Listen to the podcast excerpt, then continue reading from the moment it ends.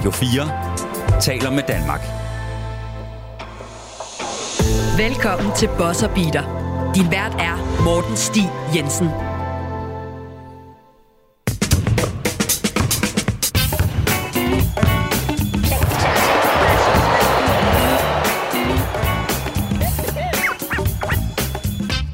Hej og rigtig hjertelig velkommen til Bosser Beater. Mit navn det er Morten Stig Jensen, og vi har simpelthen et stort program til jer klar her i dag, fordi det er både Michael Jordans fødselsdag, det er starten på 2023 NBA All-Star Weekenden, vi har et buyout-marked, vi skal igennem, og så har vi altså også en meget, meget speciel gæst med os i dag. Markus Metrovic, Marion, velkommen til programmet. Tusind tak. Og selvfølgelig Thomas Nielsen, du er også med, for vi skal jo igennem øh, ja, Michael Jordan, som sagt. All-Star Buyout-marked. Velkommen til. Mange tak. Jeg synes jo, at øh, lige inden vi går i gang med, med alle øjne, så skal vi jo lige uddanne folk her lidt i, hvad der, hvorfor vi har Markus med. Og det er jo, Markus, du er jo simpelthen, øh, du skal jo til college næste år, Ja. og du Wake Forest. Tillykke med den beslutning. Tusind tak. Øh, og det skal vi jo snakke rigtig meget om øh, senere i programmet, men øh, det, det, er jo, vi- det er også derfor, vi har Thomas med. Thomas er jo vores øh, college-ekspert, så jeg tænker, I to I kommer til at snakke rigtig meget sammen omkring, hvad, hvad det kan betyde næste år. Men inden da, mine herrer, så bliver vi jo nødt til lige at, at diskutere Michael Jordans fødselsdag, 60 år gammel. Jeg ved godt, det virker helt åndssvagt, men når jeg har to børn, som der er nævnt efter Michael Jordan, så bliver jeg simpelthen nødt til det. Og plus, der er en meget oplagt, nu har han fyldt 60, 6-0 joke ja. ved finalerne. Lad os lige prøve at sætte i kontekst, hvordan Jordan egentlig var. Jeg har nemlig et lydklip med her fra The Last Dance, hvor hans holdkammerater beskriver ham. We were his teammates and we were afraid of him. And there was just fear. Catch the ball when I throw it to you. I just threw it to you. Ignore this guy. He's overplayed. He's The fear factor of, of MJ was so, so thick. Yeah, let's not get it wrong. He was an he was a jerk. He crossed the line numerous times. But as time goes on and you think back about what he was actually trying to accomplish, you're like, yeah, he was a hell of a teammate. He was pushing us all to be better because he wanted to win. And guess what? It worked. We kind of needed that, you know what I'm saying? I needed him to be the bad guy, the tough guy. Det må man jo sige, at han også var. Hold nu op. Markus, jeg synes jo, det her det er Michael Jordan på et eller andet plan er et meget interessant emne, fordi du er 18 år gammel. Ja. Du er ikke vokset op med Jordan, du er vokset op med LeBron, du er vokset op med, med mange af de andre forholdsvis nyere NBA-stjerner. Hvad fylder Michael Jordan øh, for dig, siden at du nu er en, en yngre basketfan? Også. ja, jeg føler stadig, at han fylder virkelig meget. Bare blandt andet i min hverdag. Jeg har for eksempel selv Jordans på, og så når man har en far, der er vokset op i den tid, så hører man meget om, at hvor, hvor god Jordan var i forhold til nutiden, og at øh, der er slet ikke nogen, der kunne spille i den tid. Så ja, han har en stor betydning i mit liv. Det var en korrekt opdragelse. Sådan, farmand, det vil jeg sige. Thomas, altså, hvad, nu har vi jo snakket om LeBron så meget her på det seneste, på grund af, af den rekord, som han slog. Og altså, respekt til LeBron for det, det Jamen, synes jo. jeg også. Jeg synes, det er forkert, at vi ligesom sætter det op på sådan en spids, mm. og ligesom siger, den ene er bedre end den anden, og rah, rah. jeg synes, nu, nu skal man også sådan, ligesom bare prøve at respektere dem begge to. Hvad, hvordan har du det med, med Jordan? Hvad er dit forhold til manden, der fylder 60? Jo, men han har jo altid været en, en, en myte, en legende, øh, så, som der heller ikke, øh, min årgang, eller jeg har heller ikke set super meget af Jordan andet end, end taping og, og, og gamle All-Star-kampe, gamle altså fina, finale kampe, flu game, det ene og det andet. Men, men jeg har aldrig set ham, øh, du ved, live på tv eller whatever. Men, men altså også, han fylder ekstremt meget, og det, det gør han i alle basketballfans liv. Jeg, jeg, har, jeg er helt enig med dig. Jeg synes, det er svært at komme udenom ham. Mm. Øhm, altså, og lige meget, hvordan det så sker fremadrettet, og man mm. bliver enige om, at det er LeBron, der er the GOAT, eller hvad, om det bliver Luka Doncic, eller om det bliver, ja, Marcus Marion, måske, hvem ved. det, så i sidste ende, så kan man bare aldrig løbe fra den indflydelse, han har haft på spillet. Han, altså skoen, nu, nu nævnte du det jo selv, Markus, med at du har Air Jordan på. Jeg sidder også selv med en Air Jordan-trøje. Ja. Øhm, ikke en jersey-trøje, mm. en, en sweater, vil jeg gerne lige sige. Der er grænser for, for galskaben. Men, men det der med, at det er et af de mest sælgende øh, produkter stadigvæk. Ja. Altså, det, der er ikke nogen basketsko, der bliver solgt mere af end Michael Jordans øh, Air Jordan sko. Det, det synes jeg også siger en del. Altså, når du kigger rundt omkring i basketligaen, hvor du spiller nu, Markus, er det ikke, er det ikke primært Air Jordan, der ligesom øh, er på fødderne af folk? Jo, ja. Også bare på vores hold, der er folk, der kan spille i øh, hverdags Jordans nærmest, og også nyder at spille i dem. Altså både træning og kampe? Ja. ja. Jamen altså, det siger jo det hele, synes jeg. Fuldstændig. Ja, ja. Du lytter til Bosser Beater på Radio 4.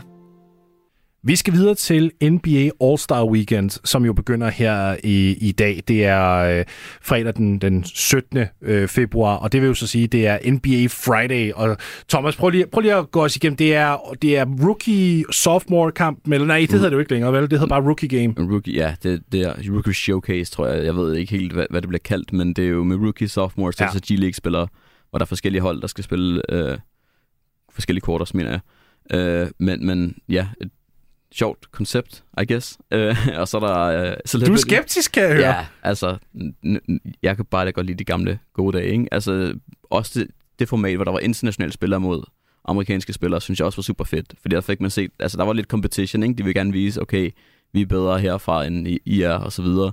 Men, men nu er det bare altså, for stor en, en, en bunke randomness, ja. øh, der bare smidt sammen og skal spille mod hinanden. Jeg, jeg har også haft det lidt svært med All-Star Weekend i mange år. Jeg synes, der, der er manglet noget seriøsitet til det. Det er som om, vi, vi bruger flere måneder på at diskutere, hvem er de værdige til at blive valgt til ja. All-Star-formatet. Hvem er, hvem er de mennesker, der skal med? Og så kommer All-Star-kampen, når den sættes i gang, og så er der ikke nogen, der spiller et hak forsvar, og det er bare dunk, dunkefest mere eller mindre. Mm. Markus, du, du sagde inden programmet faktisk til mig, at du var lidt trist over, at Shaden Sharp ikke var med i dunkekonkurrencen. Prøv, ja. lige, prøv lige at sætte nogle ord på det. Ja, jeg, jeg har faktisk... Øh sat mig op til, at han skulle være med, på grund af, når man bare kigger på, hvad, hvad det rekord uh, vertical, han havde i uh, Combine, tænker jeg, det er ærgerligt, der ikke er sådan en med, der lige kan, der, der forhåbentlig kan gøre noget nyt, der ikke er blevet set før. Og så er han også kreativ. Ja, præcis. Altså, det er ikke mm. engang kun, det er ikke fordi, han kun hopper vertikalt. Altså, han er, der er ja. windmills, og ja. han kan læne sig i luften, og jeg ved ikke, men han valgte simpelthen at sige, nej tak, jeg vil hellere fokusere på øh, den anden halvdel ja. af sæsonen. Og vi har jo så til gengæld en Matt McClung med, hvor folk sidder og tænker, hvem fanden er Matt McClung? uh, Mac McClung, ikke Matt, ja. Mac McClung. Men han, jeg har siddet sådan og kigget på nogle af hans, uh, mm. hans highlight reels. Kæft en dunker, og han påstår åbenbart, mm. og det er jo så først lørdag, at ja. der er dunkekonkurrence. Han påstår åbenbart, at han har to dunks i ærmet, som ingen har set før.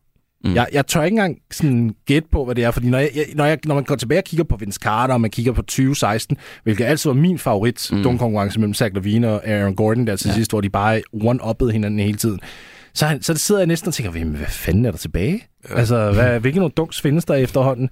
Altså, Markus, når I løber rundt og pjatter i træningen, for eksempel, og jeg laver nogle små interne dunkkonkurrencer, hvis I overhovedet gør det selvfølgelig, altså, står I sådan en gang med nogle brainstormer, hvilke nogle dunks der findes, og hvad der, altså, Nej, ikke rigtigt. Det er mere sådan noget windmill. Hvem kan ramme en windmill? East Bay måske. På, der er ikke rigtig nogen fra mit hold, der sådan kan dunke. så ja, det bliver mest... Uh, okay, mest det var simpelthen nok. Ja. ja.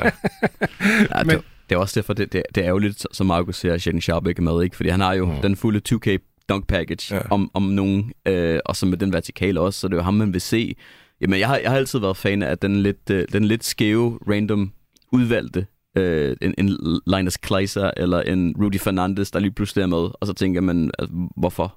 Oh, ikke nogen mention af Chris Anderson, som der lige skulle misse Nej, 14. han missede jo 14-15 i streg. øh, så det var, altså, det var noget for sig selv, ikke? Men så fandt han også sit indre villain arc efterfølgende og blev Birdman. Så ja, det var altså noget. Det er rigtigt, det er rigtigt. Hvad, øh, for lige at lukke den af med All-Star, altså, hvad, hvad synes I om den her øh, nye Eli med, hvor det er Kobe, der ligesom bliver hyldet der med, når man kommer ind i tredje kvartal, så er det scorerne plus 24 point. Er det noget, der gør kampen mere spændende for jer, end bare en helt normal standardscore? Øh, ja, altså det synes jeg, fordi at det jo, det, øh, i sig selv er det en flot gestus, øh, men, men det gør det også mere interessant, fordi at så går de efter det. Øh, og der er et mål, som der er visible for alle, så nu ved de, okay, nu er de ved at være ved de point, nu bliver der spidset til, måske lidt mere defensivt, end, end det har været øh, de sidste par gange, hvor det har været lidt lackluster, og der er ikke rigtig blevet dækket op. Men, men det intensiverer det hele, og det synes jeg kun er en fordel for, for spillet som spiller, Markus, altså hvad, hvad, hvad kan du godt lide at se? Kan du godt lide at se en kamp, der går ud og bliver sådan et showagtigt, eller vil du gerne have konkurrenceelementet med? Jeg, jeg er helt klart mere fan af, når der bliver mere konkurrence i det. Så føler jeg også, at uh, det bliver sjovere at se, så det ikke bare ligner, at de uh, løber rundt og nærmest laver opvarmning, hvor der løber nogle forsvar rundt og ligner nogle, uh, ja, nogle tilfældige mennesker, der var på banen. Som ja. jeg siger, det er den rigtige opdragelse. Ja. Du lytter til Bosser Beater på Radio 4. Nu skal vi lige igennem buyout-markedet, og så er det altså øh, tid til, til Markus og øh, Wake Forest, synes jeg. Men det er, fordi der er simpelthen mange, der har spurgt omkring, hvordan fungerer det her NBA buyout-market. Og Thomas, lad os lige prøve at gå det igennem. Fordi det, der jo sker, det er en spiller bliver eventuelt traded. Vi kan tage Russell Westbrook som udgangspunkt, der Mm. bliver sendt til Utah Jazz og Los Angeles Lakers. Han siger, men prøv at høre, jeg vil egentlig ikke spille i Utah. Han sidder og tjener 47 millioner. Det, der er lidt ekstra på, på den kontrakt, men lad os nu bare prøve at gøre det simpelt for os selv og sige 47 millioner lige ud. Så siger han, men jeg vil gerne væk herfra. Klubben siger, prøv at vi kan heller, heller ikke rigtig bruge dig, mm. så det passer egentlig meget godt. Skal vi prøve at finde et, et beløb, vi kan blive enige i? Så lad os så sige, at Utah siger, okay, prøv at høre, du får 40 af de 47 millioner.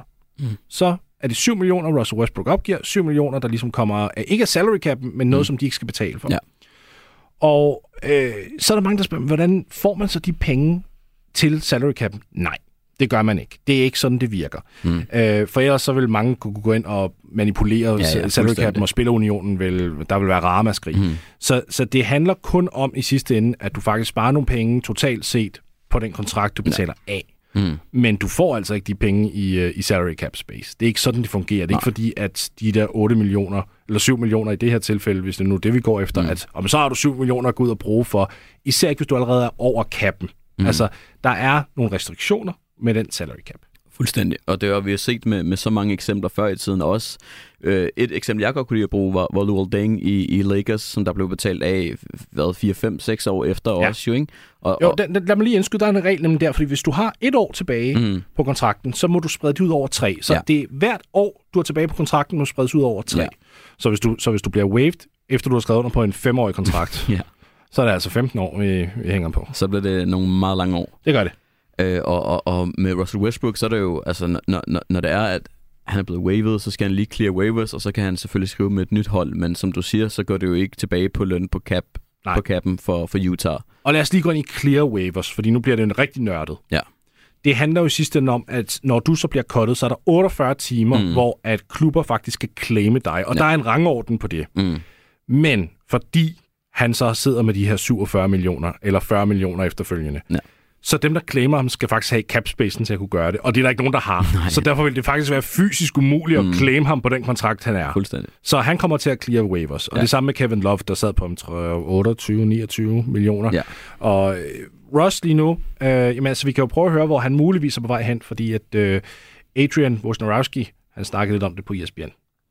What is the latest with Russell Westbrook, who I know is in Utah, but no one expects him to stay there? Uh, that's right, Greeny. I, I'm told that Russell Westbrook has permission uh, from the Jazz uh, to go out and explore with potential buyout teams uh, a role elsewhere that might fit. And so he has been spending, he and his agent Jeff Schwartz have been spending this week doing that among uh, the teams that they've communicated with the Bulls, the Clippers, the Wizards, the Miami Heat. And I think a lot of this is just getting a sense, both the teams with Russell Westbrook and Westbrook with those teams, uh, about what a potential fit might look like, what a role might look like. And, and so for Westbrook, you look at some of these teams, you know, most of them with history there. Billy Donovan and Mo Cheeks on that uh, Chicago Bulls coaching staff. He was with them a long time in Oklahoma City. His former teammate Paul George uh, in LA with the Clippers, and of course the Wizards, where Russell Westbrook made a great impact on uh, before he came to the Lakers, helped get them into the postseason. And so I think for Westbrook right now, he's going to take his time. There's a scenario where he just he had a good season with the Lakers. He can still set himself up in summer free agency by perhaps not playing at all, but there is interest in Westbrook, and I think he's going to continue now uh, over the next uh, days into this All Star break uh, to see if there's something out there that makes sense to him and makes sense to uh, a potential suitor. Så Russ kunne muligvis finde sig et nyt hold, og det er Los Angeles Clippers, Chicago Bulls. Markus, hvor tænker du, han vil give mest mening af de to? Øh, Jeg vil nok sige uh, i uh, Clippers. Jeg føler at virkelig, de mangler sådan en point guard, der kan dirigere angrebet. Jeg føler lige nu er det meget Paul George eller Kawhi, hvor de får bolden, og så bliver det sådan en ISO-play. Så jeg, ja, helt klart Clippers. En gut, der bare kan komme ind og ligesom sætte tonen. Ja. Man må også sige, altså, og man kan lide Russ eller ej, mm. han har den der meget øh, aggressiv mentalitet, hvor han ligesom kommer ind og sætter sine holdkammerater også altså, lidt, lidt på notice, hvis de ikke, hvis de ikke leverer. Ja. Så siger han det. Og det er der altså også værdi i en gang imellem, vil jeg sige. Jo, fuldstændig. Han er meget autoritær i sin, øh, i sin spilstil. Og, og så er det jo lidt sjovt også jo, for de har jo sagt farvel til, til Reggie Jackson og til øh, John Wall. Så, så der er lidt plads nu Øh, der er en del plads. ja, og, og, og så har de jo fået Bones Highland også, så det er jo super spændende fedt der, hvis han ender ud. Men som også sagde, så er der jo en masse historier blandt de andre hold også. Øh, den, den, lidt, den lidt sjove, jeg synes, er måske til Miami, fordi at ham og Jimmy Butler kunne jeg godt tænke mig at se sammen. Det tror jeg kunne være lidt... Uh... Kevin Love er jo rygtet også der til Miami, hvis de, hvis de, altså de har, jeg synes, de har haft brug for dybde. Ja. Hvis de lige pludselig henter både Russ og Kevin Love på buyout-markedet, mm. Så kunne det måske godt vinde deres sæson ja. en lille smule. Altså, det, det, det er der også brug for. Det er ikke super godt. Jo, jo, det, det, det, det er sådan noget, som de to de har brug for, og hvis de kunne få dem, som du siger, så ville det være strålende. Du lytter til Bosser Beater på Radio 4. Og det er en god. Marion. Flot lille og det er Marion. Ja, det er det, man rigtig gerne vil se fra Marcus Marion. Marcus Marion, Marcus Metrovic Marion. Det er vigtigt ja. for dig, at mellemnavnet er med. Prøv lige at uh, fortælle os, hvor det stammer fra. Mit mellemnavn? Mm. Ja, det stammer uh, fra min mors side, hvor hun er, hun er fra Serbien. Men er hun er også opvokset i Danmark hele sit liv, så ja. Og amerikansk far, det er der Marion ja, ja. kommer fra. Ja, ja Marion Chicago. Sådan. det, det er jo en, øh, en, rigtig spændende, skal man sige, mix. Øh, altså både serbisk mix, amerikansk mix, dansk mix. Altså, ja. hvor, hvordan identificerer du en dig selv? Altså, er det så, som, som udelukkende dansker eller som verdensmand? Jeg vil sige meget den kultur, jeg, jeg sådan forholder mig til, er nok mere på den danske side, men der er selvfølgelig sådan traditioner fra USA og Serbien, men Serbien, den er, jeg vil sige, den er ikke så tæt med, nu er jeg heller ikke kan serbisk, men jeg er nærmest flydende til engelsk, så, ja, så jeg vil sige, at jeg mere forholder mig til den danske og amerikanske side. Okay. Og det er jo også noget, der kommer til at altså, hjælpe dig godt på vej, når du nu skal til, til college i USA. Ja. Så Wake Forest University, det er jo et, en kæmpe skole. Altså, det er jo der, hvor Tim Duncan kommer fra. Chris Paul, John Collins, James Johnson. Og så er der mange, der siger, at James Johnson, han, han fortjener ikke at være med i den sammenhæng. ja, jeg synes, at altså, når man har altså, en 15-årig NBA-karriere, ikke, mm. altså, det, så, så tæller man. Så tæller, ja. så tæller det altså med. Hvad var det, der tiltrak dig ved, ved Wake? Jeg vil ikke klart sige uh, bare faciliteter. Hvis man kigger på dem, så er det jo top-notch. Der, ja, det er nærmest et top-facilitet, der er i landet. Når man også kigger på sådan noget Duke og sådan noget, så er Wake Forest nærmest højere end dem. Og så bare alle, uh, alle coaching-staffene og personerne omkring der virkelig uh, åbne, rare. Så jeg følte bare, at det var det rigtige sted at vælge.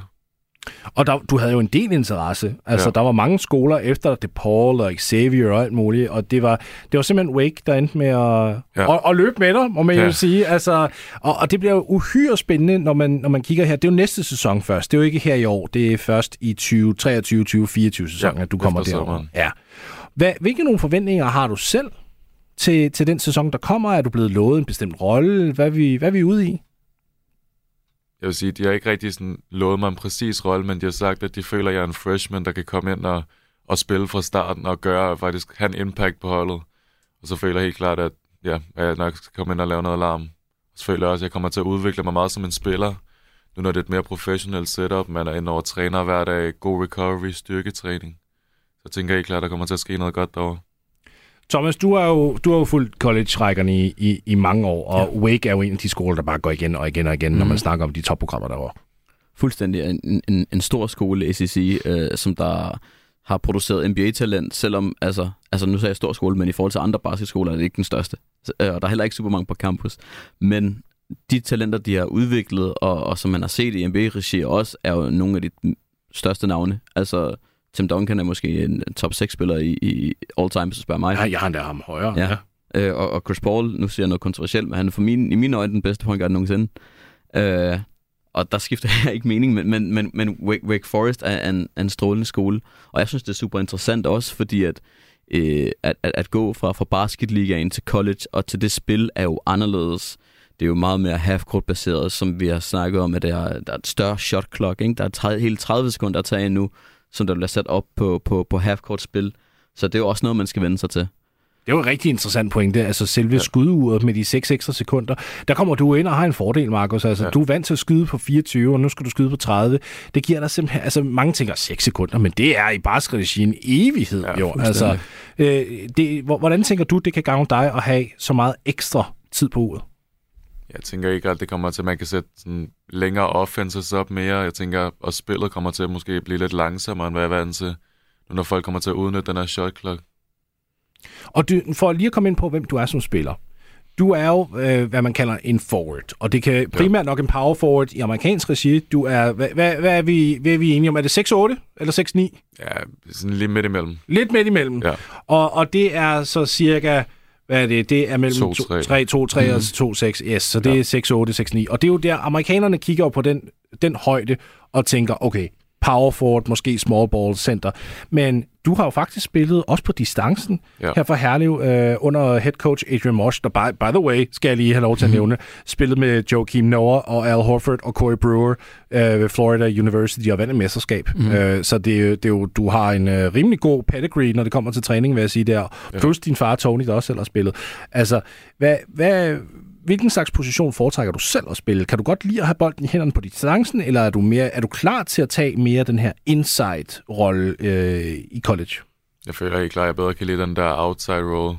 Og som uh, Wake Forest snakkede om, de så mig meget som uh, en Jake Lavaria-type, så hvis jeg får en rebound, så kan jeg push bolden, lave kreere selv, eller hvis nu jeg har en mismatch ind i posten, så kan jeg også gå inside med den, så er det sådan meget øh, uh, inside-out-spiller.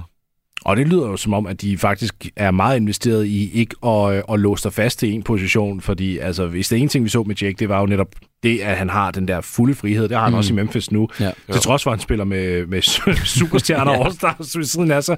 Altså, øh, spille, det, det, jeg tror virkelig, det er der, vi ser basketball vej hen. Spillere, som der både kan bruge screens og sætte screens. Ja. Det, jeg tror, det er der, vi ser den, den helt store evolution nu. Og, og det er jo noget, som jeg har set dig hen ved, ved Herlev, altså også, øh, du både sætter dem og bruger dem. Ja. Hvor, hvor, hvor vigtigt har det været et led? Er det noget, som der blev planlagt af coaching staff og dig, eller er det noget, du selv ligesom bare, mens du bolden i hænderne, tog en beslutning om at kalde en screen? Jeg tror, at det er også meget credit til min uh, head coach Adrian, for at han ikke har sådan, uh, låst mig til en position. Jeg føler også, mig og min familie har snakket meget med ham om det her med, at, uh, at college ser mig selv som en 3 og en 4, og det har han virkelig respekteret, og så han prøvet at implementere mig på den måde i angrebet, så jeg kan udvikle mig på den måde. Er der nogle specifikke områder af dit spil, hvor du tænker, det her, det skal jeg virkelig øh, bruge de næste par år i college til at finpudse? Jeg vil sige helt klart mit skud. Nu har jeg også været nede og arbejde med Renan, så vi har virkelig arbejdet på, at jeg får et hurtigere release, så jeg er klar til de der lange arme, der er i ACC. Der er i hvert fald mange arme, ja. og der, der er god konkurrence også. og mm, Thomas, vi, vi to, vi snakkede jo inden, at øh, Markus kom ind i studiet, sådan om, at vi, vi antager lidt, Markus, faktisk på dine vegne, at NBA jo nok er målet. Er det Ja. fair? Ja. Godt.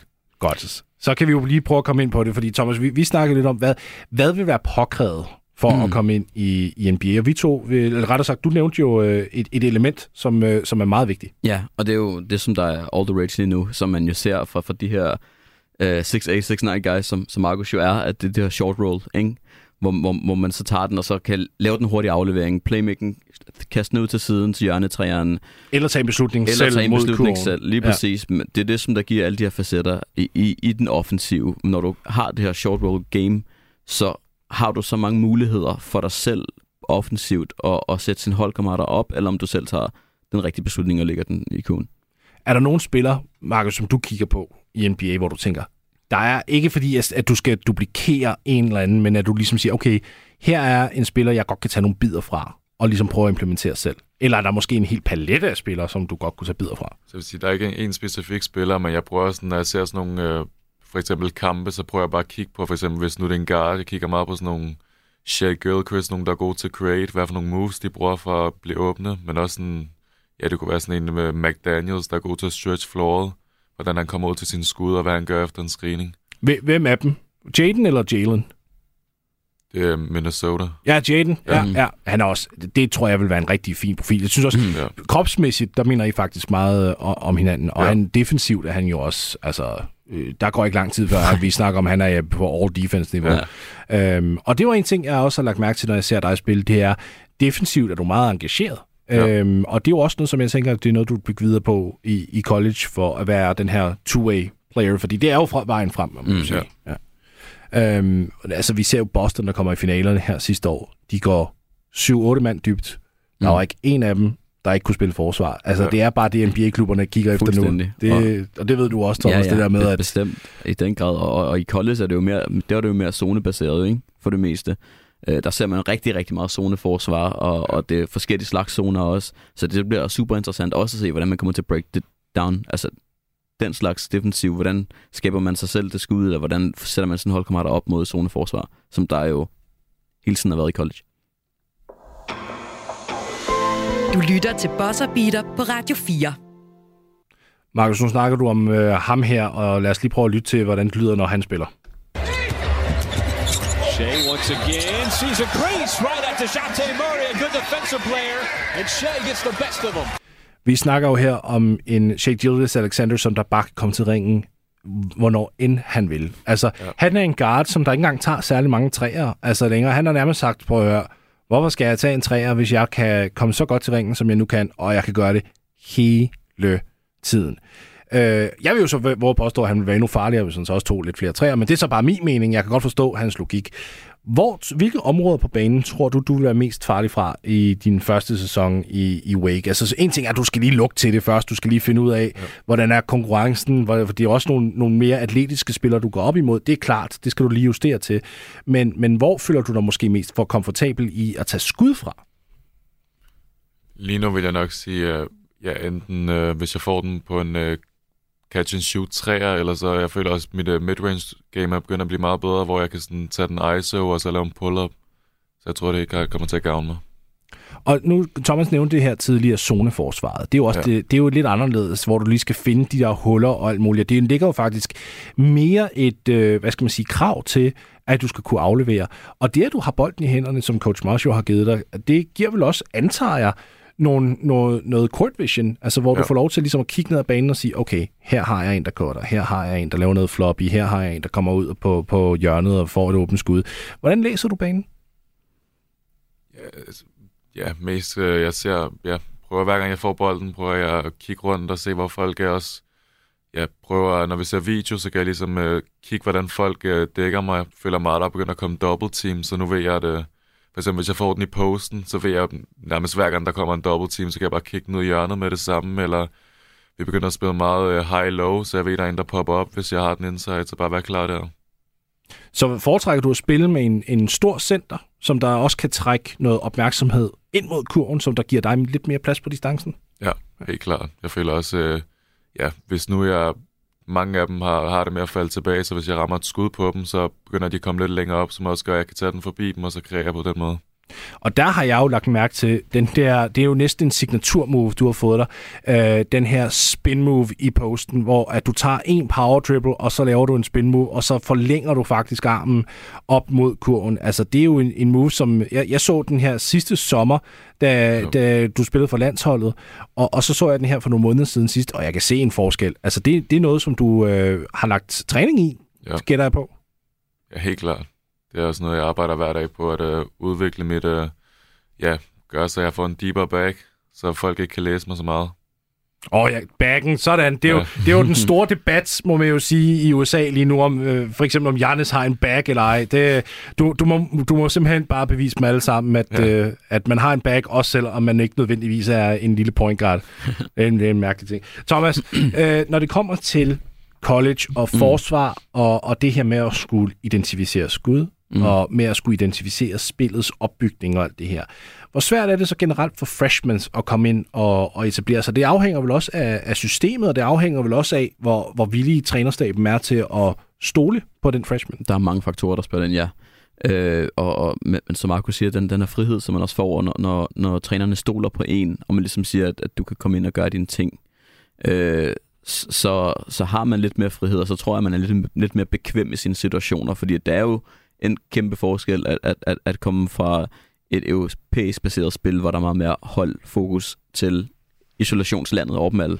Ja. Øh, så, så, så, så der bliver selvfølgelig en, øh, en tilvændingsperiode, øh, men, men jo bedre man læser spillet, og, og jo mere fokuseret man er, jo hurtigere vender man sig til det.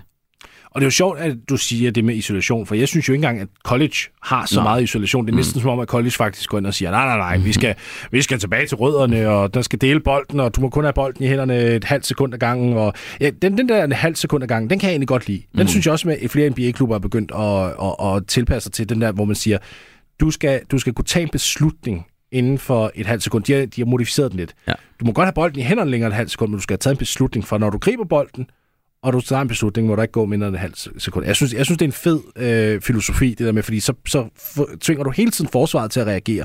Hvor- Når du får bolden, Mar- Markus, så bliver du en gang nødt til at anskue banen, eller har du allerede en plan? Altså, er, er, er det afhængig af, hvor du er på banen nødvendigvis? Kan, ja. Er det for eksempel, hvis du er ude på træeren, og du får bolden, ved du så for eksempel godt, okay, det, når jeg får bolden her, så laver jeg en fake, og så er det en dribbel ind mod kurven. Eller ved du allerede på forhånd, ah nej, det bliver en træer.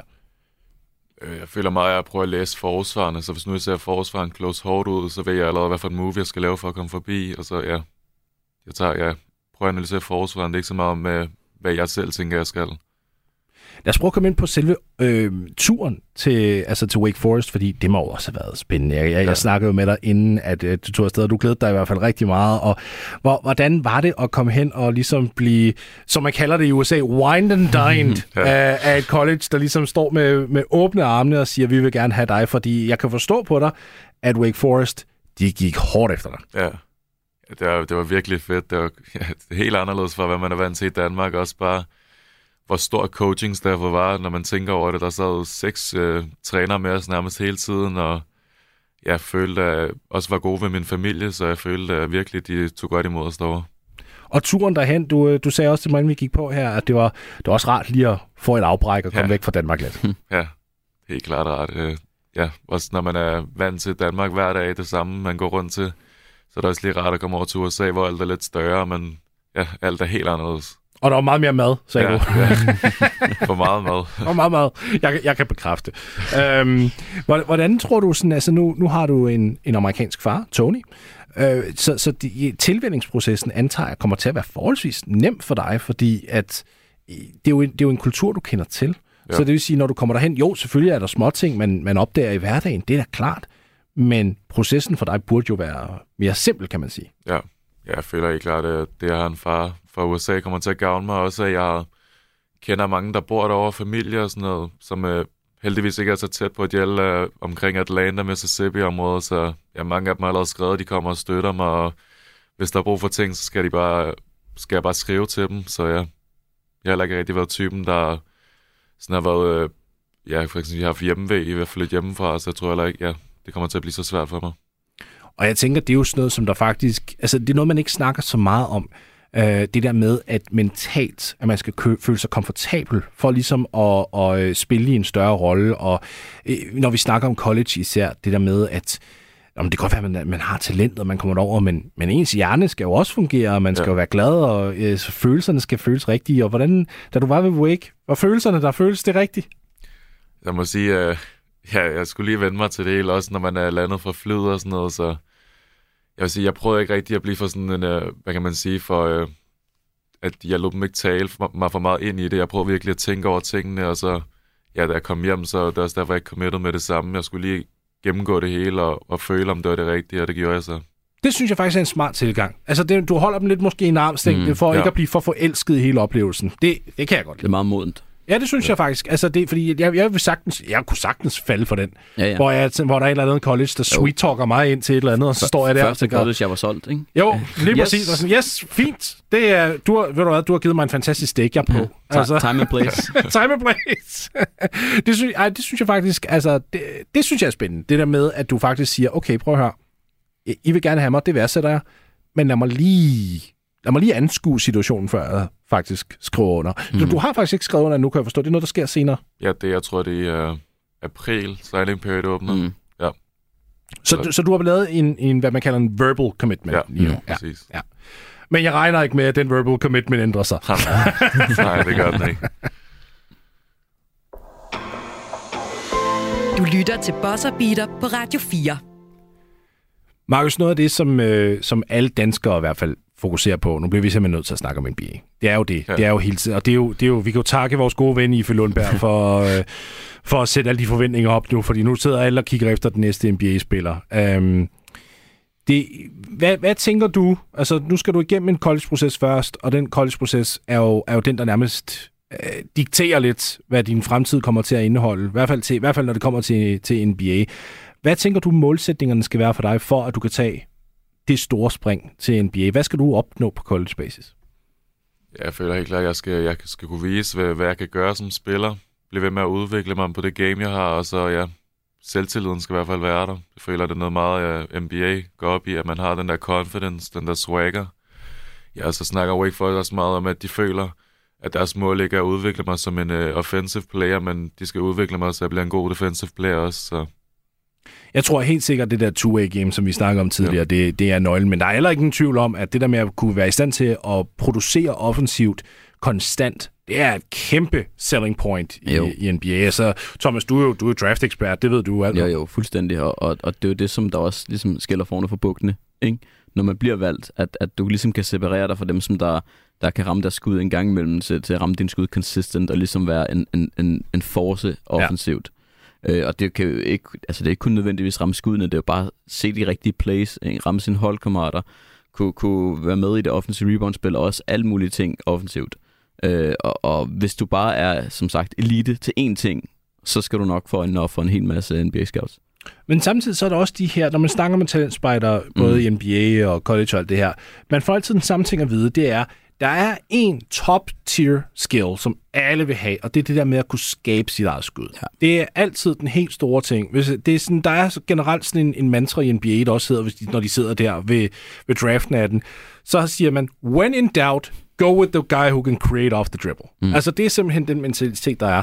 Og der vil jeg jo sige, forwards, som dig, Markus, de bliver en gang imellem altså, øh, fa- faktisk ignoreret lidt, fordi det er altid guardsene. Altså, i hvert fald før i tiden, så var det altid guardsene, der tog beslutningerne. Ikke? Også guardsene, der løb ja. rundt med bolden, og så var det derfor dem, der blev kigget på som de her skudskabere.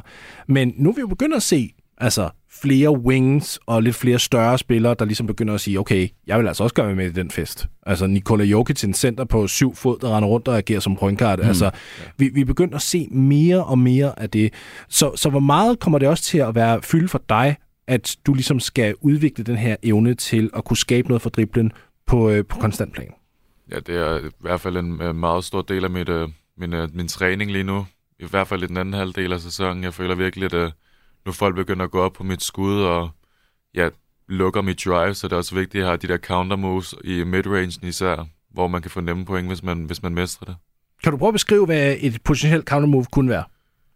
Ja, for eksempel, hvis jeg går ind i mit spin move, kunne jeg lave et half spin, og så spin tilbage, og så ja, en midrange hurtigt. Og der er mange, der ikke forventer det der half spin. Der har set mange, der begynder at bruge i NBA, og det virker effektivt. Det er sådan en lille uh, Olajuwon, uh, ja. en, en half dream shake. Ja, mm. ja. Det, det er jo sjovt, fordi jeg har jo længe sådan ment, at til trods for postgamet er begyndt at dø lidt ud i NBA. Så hvis man lige pludselig tog en, en Hakim-version, altså bare, eller bare en spiller, som der godt kunne alle de her counters, både post og midrange, som han også kunne, den spiller vil utvivlsomt være, altså, være effektiv i dagens liga, til trods for, at man er gået væk fra, fra postgamet. Ja. Øhm, så så er, det, er det fair at sige, at man måske godt kunne kalde det lidt en throwback? Ja, ja, helt klart. Jeg føler ikke, at jeg prøver at være for fancy i mit spil. Jeg prøver at føle, at jeg gør det, der, ja, der er mest effektivt. Om det så er et, øh, et simpelt layup, i stedet for et andet øh, ja, reverse jelly, som mange af dem nu laver. Prøver at være alt det der highlight, øh, highlight-scoringer, så jeg prøver bare at holde det simpelt det tror jeg også er en, et rimelig godt salgsgrundlag til, til college også, Thomas, fordi jo. der er jo mange colleges, der faktisk siger, at oh, vi vil bare gerne have en spiller, som der tager de kloge beslutninger ja. og spiller inden for sine egne mm. begrænsninger. Ja, der ligesom ved, det, her, ja, det, det det, jeg har at arbejde med min værktøjskasse. Så lad mig gøre det, som jeg kan, og, og være sikker på sig selv. Og det, det kommer tilbage til et spørgsmål, som jeg måske har, Markus. Det er, nu er jeg jo spillet, spillet basket med, med Ife i et par år også, og, og da han var helt ung, da vi var drengespillere, så havde han jo den her tro på sig selv og mentalitet, og gik rundt i hallen og sagde, at som drengespiller, han kunne ramme flere træer end Vince Carter, der spillede i New Jersey. ikke? Han har altid troet på sig selv. Har, har du også den tro i dit spil på... Sådan er det, Ife, vil jeg godt lide jeg kan, jeg kan det her. Ja, det vil jeg helt klart sige. Også bare i vores træninger, jeg føler hele tiden, der er den der konkurrencementalitet om, hvem der den bedste skytte, om det er med min spiller, eller om det er Adrian, der siger, min træner, der siger, at jeg ikke kan skyde, og så mm. viser det modsat for ham, så ja, helt klart, det er også vigtigt at have, eller så... Hey, Coach A, watch this! Ja, yeah. ja man hører tit den der... This is the jumper that won me the, the national title hele tiden. Så, ja.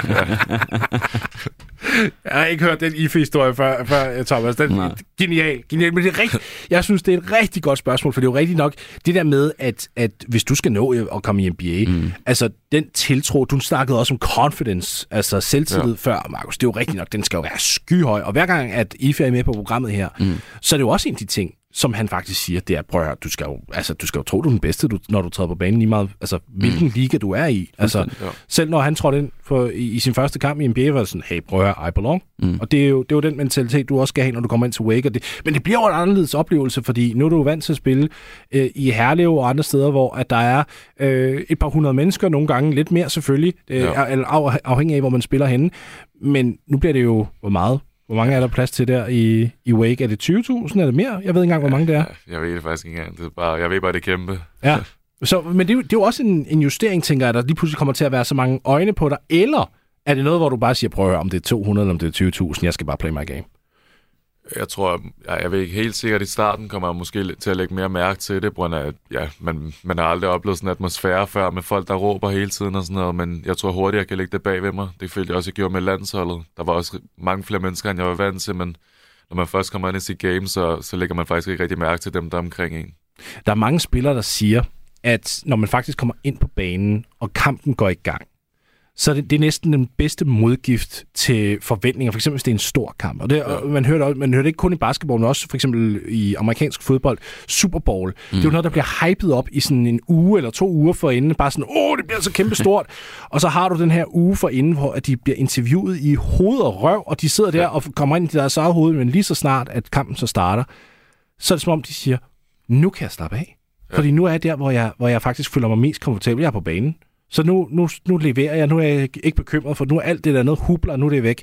Er, er det også sådan den mentalitet, du har, når du kommer på banen? Der finder du noget, noget ro? Helt klart, og især efter, når man lige får den første bucket eller noget, så alle nerverne forsvinder med det samme, som man inde i sin normale game, som hvis det var en træning, og man står og øvede sig på, sin, på sit game. Det gør bare et eller andet med dig. Ja, ja. det fjerner bare alt. Er det, er, det, er det kun en bucket, eller hvis du får et godt blok, kan det også gøre det? Jeg vil sige, Bucket hjælper måske lidt mere, hvor man så føler man sådan, ja, nu har man, nu har man sit touch, nu har man det hele, så nu er man afslappet. Nu, nu spørger jeg kun, fordi jeg er hammerende nysgerrig. Gør det forskel på, hvilken slags bucket? Altså for eksempel, hvis det nu er dunk, kunne jeg forestille mig, så sætter det jo en masse energi ind. Men hvad, er, der, er der en forskel på, om det er dunk, eller om det måske er et lille push-shot, eller om det er jumper? Altså, nu, nu siger du første bucket. Er der variationer af, hvad der, hvad der tænder dig mest, når du starter en kamp? Ja, helt klart. Altså, jeg nok sige, at mest det er dunk, men altså bliver holdet også den samtidig. Mm. Alle, sådan, ja, alle føler, at det, vi er medvind og sådan noget, så ja, det starter helt klart noget godt med dunk. Og der vil jeg jo sige, når man kigger på basketligaen, der er du en af de mere atletiske spillere. Du kommer derop af rimelig hyppigt, og du er heller ikke bange for at virkelig hamre den ned. Ja. Øh, det har jo også virket lidt til din fordel. Altså, I Danmark må, må vi også blankt indrømme, at der har vi måske lidt, lidt for meget af af det her jantelovsprincip sådan med, åh, nu skal vi heller ikke være for flashy, og vi skal alle sammen være lidt nedtonet, og, du, du, du, du, du. og så ser vi en som Ife, der bare siger, ha, mm. F det, ja. jeg, jeg giver den gas. Er det også den mentalitet, du ligesom har sagt til dig selv, hvor du siger, ah nej, den der jantelovsaløj, det køber jeg ikke ind på, jeg skal bare give den gas? Ja, det har jeg. Men jeg føler også meget i min ungdomsudvikling, der var ikke så meget det, som der er nu. Nu føler jeg mere, det er sådan noget, for eksempel i ungdomsbasket med U12, hvor man ikke må se scoren, det er sådan noget, hvis man vinder perioden, og det er tre point eller sådan noget, man får. Så jeg føler også meget, det ja, jeg er glad for, at jeg voksede op, hvor der ikke var de regler. Det følte også virkelig, at man følte, man, øh, ja, man kunne bygge den her selvtillid op, og ja, i, i modsætning til nu, hvor børnene nærmest, det nærmest er bare for det sociale. Det er ikke rigtigt for, sådan, de skal opnå noget, føler jeg. Så du, du tænker faktisk, at konkurrenceelementet, det er meget vigtigt i udviklingsfasen? Ja, ja. især på grund af, hvis nu man kan sige, hvis der er en, der har et kæmpe talent inden for basket, der er en, der ikke har så godt talent for basket, føler meget, at det sætter en stopper for, at dem med talentet ligesom kan kan opnå det her talent, de har, og, og, og gøre noget med det. Det er interessant, synes jeg, fordi altså, det, det er jo ikke den første, der har, har øh, verbaliseret det her. Altså, jeg har en, en, en dreng på 11, som også føler sig meget begrænset i, at ting hele tiden skal være så kollektivt alt sammen. Ja. Så, så føler du, at den måde, det er sat op på lige nu, det fjerner individualisme på en punkt? Ja, det vil jeg helt klart sige. Jeg føler det for meget det her, at, øh, ja, pædagogisk noget med, at alle skal være med, alle skal have det sjovt. Der er ikke rigtig noget, øh, ja, kan man sige, det er ikke sådan jeg ser mange af de her hold, når de vinder, spørger de mig, når jeg så ved dommer på, om de har vundet. De ved slet ikke, hvad der sker i kampen. De er, oh. de er bare på banen og ja, løber frem og tilbage og scorer en gang imellem. Er det, det er jo bekymrende, ja. at, altså, man som ungdomsspiller... Jo, fuldstændig. Det er jo, altså, det, dengang jeg spillede med mine drenge, ældste drenge, så var det jo, man var hen i efter hver kvartal og se protokollen, mange point man havde. Ja. Altså, det, Ja. det, det var man, fordi så, så, hvis du havde flere point end den bedste spiller fra et andet hold, eller den bedste spiller fra sit eget hold, man synes, så fik man et ego-boost, og så gik man endnu mere til den. Øh, og det var også bare de, de kampe, hvor, hvor, lad os sige, du spillede i mesterrækken og mødte et eller andet hold, som der var bundprop, og vi vinder 110-12, så var det jo også bare noget, så ved man, altså, de kan ikke sige noget til noget, til, til, til noget som helst næste gang, vi ses til, ja. til landsholdssamling, eller til whatever det nu er. Det er jo bare noget, som der giver en det her boost, og, og konkurrence er alt i sport for mig. Øh, og hvis der ikke er konkurrence, så bliver det sådan lidt ligegyldigt. Øh, og det er derfor, jeg aldrig rigtig har været fan af de her andenpladsmedaljer og så videre, fordi det, det, dem kan du sgu bare beholde. Ja, de her parti- participation Ja. trophies. Ja. Ja, jeg synes, det er en spændende debat, fordi der er jo mange, der har den her idé med, at man skal ikke tjekke sin egen stats, og, uh, men jeg synes, at det er et vigtigt led i at finde ud af, hvor man er henne. Altså, ja. jeg, jeg, jeg synes, det virker meget omvendt, ligesom at stå og sige, jamen, hvis du skal blive den bedste spiller nogensinde, eller for dig selv, du skal blive den bedste spiller, som du kan blive, jamen, så, så skal du ikke kigge på dine stats. Øh, jo, Ja. selvfølgelig skal du det. Altså, Markus, jeg spørger dig lige nu, hvad snitter du i basketligaen, så er jeg rimelig sikker på, at du har en, Ja. en idé om, hvad du snitter. Så hvad snitter du? Jeg tror, jeg er 17 point. Jeg ved ikke, om den er faldet siden min sidste kamp. Det kan godt være. Jeg er omkring 16-17 point. Og omkring 7-8 rebounds? Ja. Ja. Ja, så tror jeg, det er to steals eller sådan noget. Uh. Altså, det er, jo, det er jo også en, der kommer... Altså, to steals, det er jo en mm. høj stat. Ja. Ja. Altså, det er jo sådan en, der virkelig kan bruges. Lad os prøve at komme ind på øh, dine defensive evner, og især i sådan college. Fordi du, nu snakker vi om, hvordan du skulle knække et zone. Du kommer jo til at spille med i zone på den anden ende af banen. Ja. Hvad, er det noget, du har været vant til at gøre? Det kommer det til at blive en stor justering?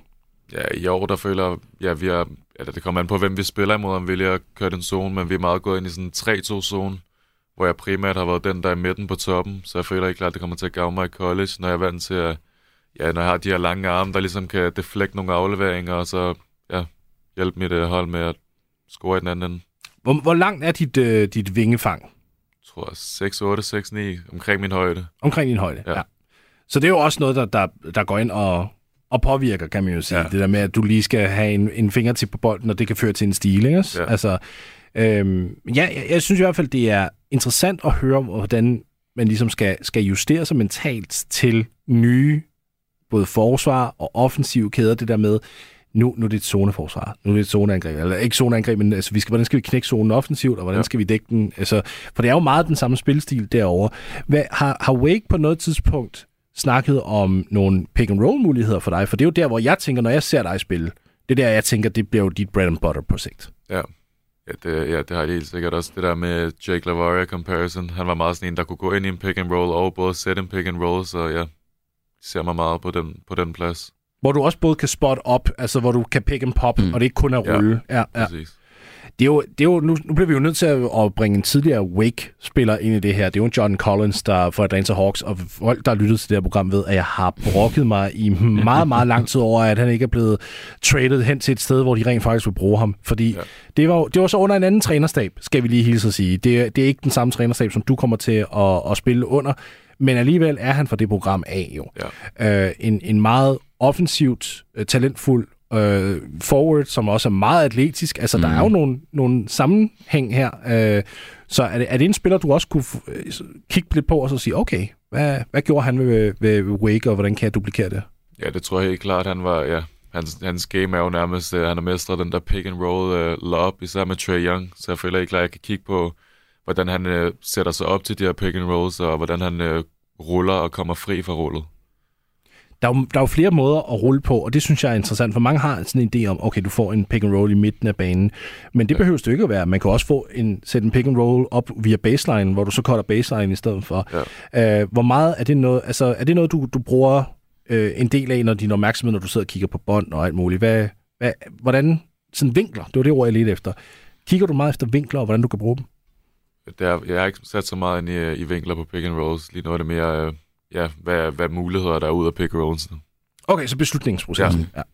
Og Thomas, det, det er jo også noget, som vi har set i, i collegebold især. Altså det der med, lige så snart du har muligheder med bolden, Mm. altså det, det åbner virkelig en spillers potentiale Ja. ja. og, en, og en spillers indflydelse på banen. Ja, i den grad. Og, og det kommer også tilbage til altså, ens trust i sine holdkammerater også. Hvor, hvis jeg ved, jeg har en, der jeg kan kigge den til, som der måske kun skyder 20% for hjørnet, er, er det så det, jeg gør? Øh, fordi at han er fri, eller tager jeg den videre selv? det, det hele øh, i ens hoved og beslutningsprocessen er, er så vigtigt og afgørende, at man tager det rigtige valg. Øh, så det derfor modenheden er for Markus' øh, sake utrolig vigtig, og det har han også altså, vist, hvad jeg har hørt her i dag også, at han er utrolig moden af sin alder at være.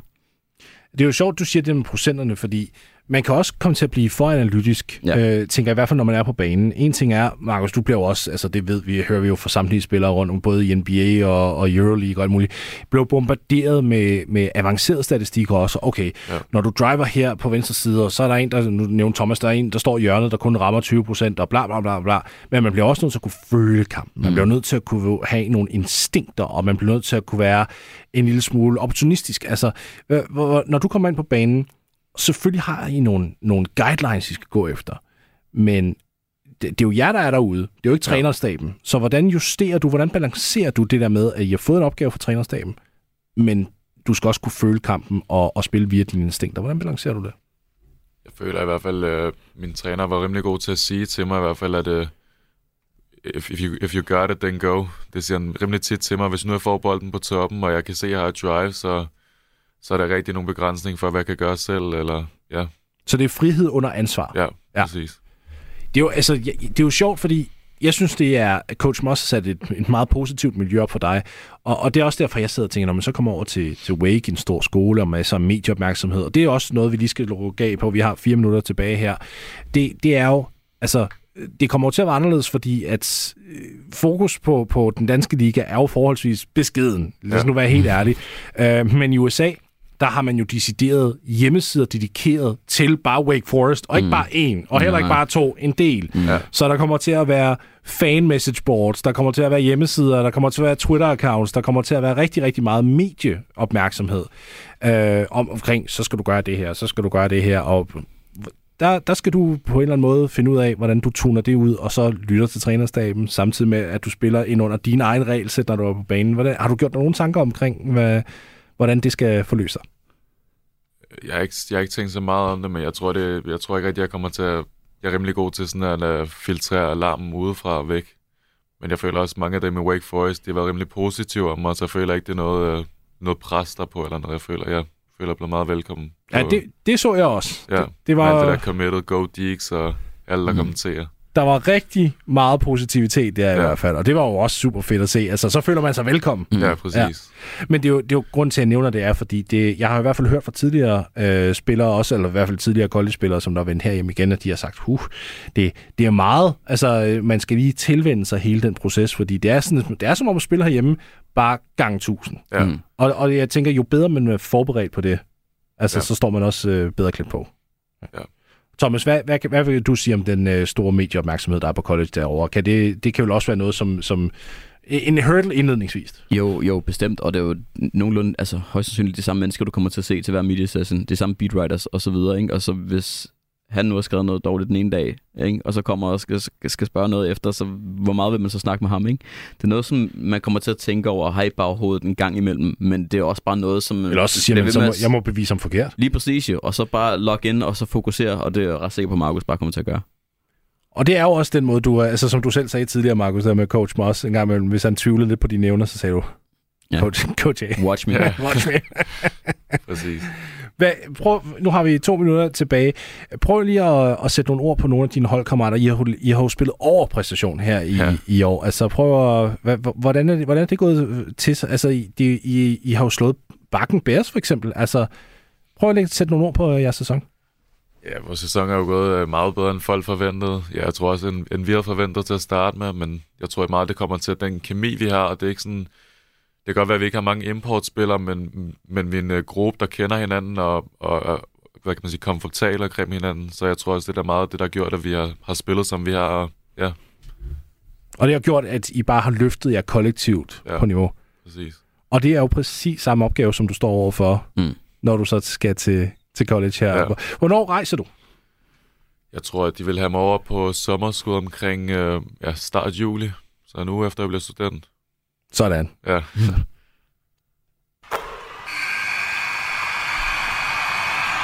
Det var bosseren, og øh, jeg vil gerne sige tusind tak til både Thomas Nielsen og Markus Metromitch Mar- Marion. Øh, der er de her tre M, og vi må finde ja. på et Ja. nickname, det er Triple M. Ja, altså, er Triple M. Det er, det er Triple M. for. Sådan. Så, så det, det, var- det var lå lige til. Ja. Øhm, jeg synes, det har været super spændende at, øh, at høre om øh, ja, dine indledende tanker øh, omkring college, og så håber jeg, at du vil være frisk på at vende tilbage til programmet nok over en telefonforbindelse, når du rent faktisk er derhen. Det er jo lidt svært for dig at flyve tilbage og frem og tilbage, bare for et, et, et lille bitte radioprogram.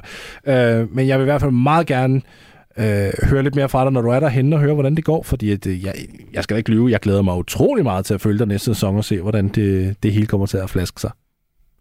Thomas Nielsen, tusind tak for, at du var der. Og Markus, Ha' det rigtig godt derude. Og til jer derude, der lytter med, nyd All Star, og så snakkes vi ved næste uge.